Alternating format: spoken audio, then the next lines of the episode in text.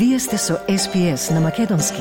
Слушнете повеќе прилози на sps.com.au козацрта на Седонин. По денешниот билтен, по повеќе смртни случаи со давање за време на божикните празници, властите ги предупредуваат австралиците да носат разумни одлуки во врска со безбедноста во вода. Бројот на загинати од снежната бура во Сад во областа Бафало се зголеми на 27. Министерот за надворешни работи на Украина дава повеќе детали за условниот мировен самит со Русија во февруари следната година. И македонскиот премиер Димитар Ковачевски категоричен дека не прифаќа уцени и предвремени избори нема да има. На СБС на Македонски следуваат вестите за 27 декември 2022 година. Јас сум Радица Бојковска Димитровска, останете со нас. Серијата смртни случаи поради давење за време на божикните празници и Boxing Day ги натераа властите да ги повторат предупредувањата до австралиците да бидат умни ова лето. 17 годишно момче почина јужно од Мелбурн, откако беше пронајдено во вода без знаци на живот. Уште еден маж од Викторија се удави во езеро во североисточниот дел на државата. 19 годишен се удави на Божик во Лорн, во југозападниот дел на Викторија и 73 годишна жена од Јужна Австралија се удави јужно од Аделаид. Полицијата во Викторија и во Јужна Австралија подготвуваат извештај за судскиот вештак. Истовремено две девојчиња од Викторија на возраст од 10 и 11 години беа спасени од давење на плажата Сен Килда. Кейн Трелуар од Life Saving Викторија ги подсетува луѓето да останат предпазливи, бидејќи како што нагласи, трагедијата е во тоа што секое давење може да се спречи. Тој ги повика сите кои имаат намера да се упатат кон некоја од плажите во следниве неколку дена да ја посетат интернет страницата beachsafe.org.au и да ја преземат апликацијата која кажува каде се спасувачите и исто така информира за ризиците поврзани со плажите ширум, ширум земјата. The, the tragedy is that almost every drowning is preventable. And what we're doing is encouraging people to make good decisions before they come to the beach and make sure they know where they're going and that the place that they are going is an appropriate place to swim. We'd encourage everyone heading to the beach over the next couple of days to head to beachsafe.org.au, download the BeachSafe app. That'll tell you where the lifeguards and lifesavers are going to be and what the risks are associated with each of the beaches across the country. Бирото за метеорологија предупреди дека се очекува летниот топлотен бран да достигне врв во јужните делови на земјата, додека во северната територија има повеќе обилни врнежи. Издадени се предупредувања за топлотен бран за Западна Австралија, Јужна Австралија, Викторија и Тасманија со температури над просекот.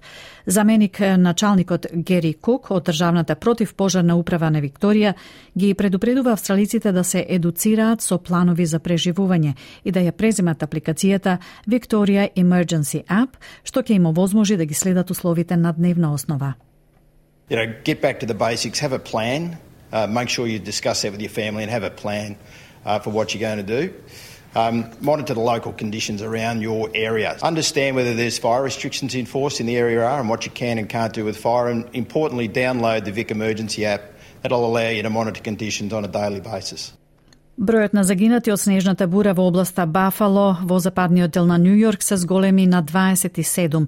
Властите велат дека ова е една од најлошите катастрофи поврзани со временските услови во историјата на САД и предупредија дека може да има повеќе загинати. Телата на лицата кои ги загубија животите во Бафало беа пронајдени во автомобили, домови и снежни насипи. Некои загинале додека го расчистувале снегот, други пак кога екипите за итна медицинска помош не можеле навреме да одговорат во кризните ситуации. Невремето се смета како причина за најмалку 50 смртни случаи низ Соединетите Американски држави, а спасувачките напори и натаму се во тек. Гувернерката на Њујорк, Кети Хочул, предупреди дека иако небото може да се види во моментов, се очекува невремето да се врати и дека се уште е опасно да се биде надвор. And as much as we can see the skies right now, we know that uh, the storm is coming back. So anyone who declares victory and says it's over, it is way too early to say this is a, at its completion of uh, maybe the severity is downplaying now, and right now it's not as bad as it had been over the last couple of days, but it is still a dangerous situation to be out. Научниците од Националниот центар за податоци за снег и мраз вела дека е можно кризата со климатските промени да придонела за интензитетот на бурата. Украинскиот министер за надворешни работи вели дека владата се подготвува за мировен самит со Русија во февруари следната година, но под одредени услови. Дмитро Кулеба изјави за Associated Press дека мировните разговори се предпочитаат во Обединетите нации со генералниот секретар Антонио Гутереш како можен посредник.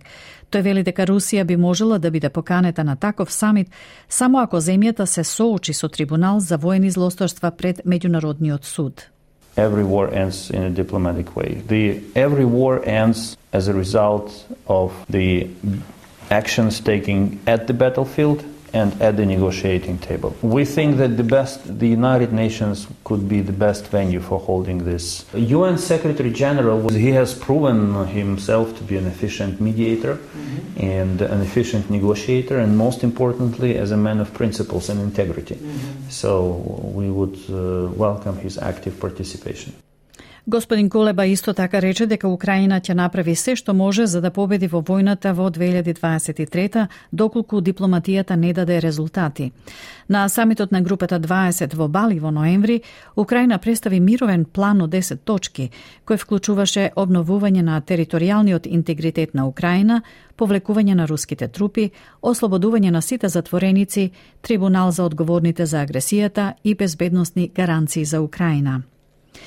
Изјавата на лидерот на Беса Билјал Касами, што ја даде пред два дена дека ќе даде подршка за измени во македонскиот устав, само ако има предвремени избори и дека ќе организира протести за да ја постигне оваа цел, ја вознемири целата влада. Премиерот Димитар Ковачовски му одговори на Касами дека нема да прифати никакви уцени што би го загрозиле европскиот пад на земјата и категорично рече дека идните парламентарни избори ќе се одржат во редовниот термин во 2024 година. Прашањето за уставните измени е сериозно. Тоа е државничко прашање. Е прашање на принципи. Дали некој го поддржува европскиот пат или не го поддржува европскиот пат. Условувања за вакво прашање се навистина неприфатливи. Опозицијската ВМРО ДПМН пак тврди дека предвремени избори напролет мора да има и дека секоја иницијатива за уривање на актуелната власт ја поддржува, но и дека секоја поединечно сценарио треба дезелно да се разгледа. Владо Мисајловски, подпредседател на партијата на пресконференција изјави. Имаме и се уште заглавена земја во корупција, криминал и економска криза, држава без преговори во ЕУ и со бројни условувања истите да почнат. Најдобро ќе биде Ковачевски сам да се повлече, и да не ја загрозува дополнително државата. Главен меѓународен автопат во Источна Србија е затворен, како и училиштата и службите во областа поради истекување на амонијак, при што лекарска помош побарале над 40 на лица, а едно лице починало откако било примено во болницата во Пирот. Прогласена беше вонредна ситуација во источниот град Пирот во близина на границата со Бугарија, откако товарен воз со амонијак излета од шините, испуштајќи запалив и отровен газ во атмосферата. Властите велат дека во тека истрага за да се утврдат сите факти во врска со несреќата. Локалните власти ги советуваа луѓето да бидат внимателни и да останат во затворени простории. Локалниот лекар Војкан Ранчич вели дека повеќе од 40 луѓе побарале лекарска помош. We examined 44 patients since last night's accident until this morning. In the first wave, just after the accident, 37 patients were received. Then through the night, seven more arrived, mostly adults, but also three children. They had light injuries, injuries that affect upper breathing areas, and irritation of the breathing organs. Повторно во земјава, владата на Нов Јужен Велс започна кампања за да ја подигне свеста за приватни огномети пред новогодишните прослави. Safe Work Нов Јужен Велс предупреди дека огномети во дворовите и на улиците се забранети, а луѓето кои користат пиротехнички средства без дозвола од Safe Work ќе бидат казнети. Владата исто така предупредува дека експлозивите може да бидат опасни и да доведат до повреди доколку не се активирани од професионалци. Секој кој ќе биде фатен како продава, купува и пали огномет без дозвола, ќе се соочи со парични казни до 27.500 долари и до една година затвор. Австралиската агенција за заштита на животните ги повикува собствениците на домашни миленици широм земјата да се подготват пред новогодишните прослави и да се осигураат дека нивните миленици ќе бидат безбедни. RSPCA предупредува дека огнометот често предизвикува паника, страф и вознемиреност кај животните, што резултира со анксиозно, а понекогаш и деструктивно однесување или бегство. Тие велат дека најважното нешто што одговорните собственици на домешни миленици можат да го направат пред овогодинешниот огномет е да се погрижат нивните миленици да имаат микрочип со ажурирани податоци за контакт. Ова значи дека ако изгубеното милениче е внесено во засолниште, тоа брзо потоа ќе може да биде вратено кај собственикот.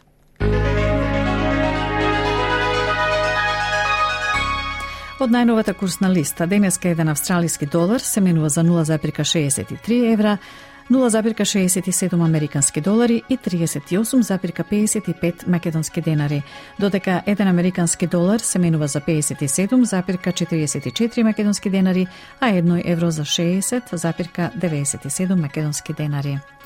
Еве анако со и временската прогноза за главните градови за утре, среда 28 декември.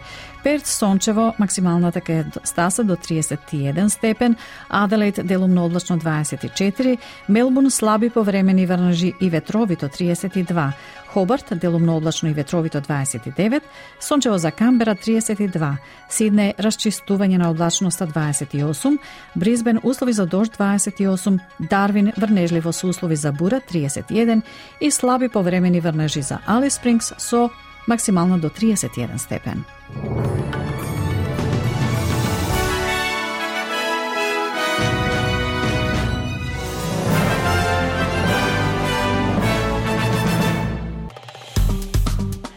Стиснете, ми се допаѓа, споделете, коментирајте. Следете ја SPS на Македонски на Facebook.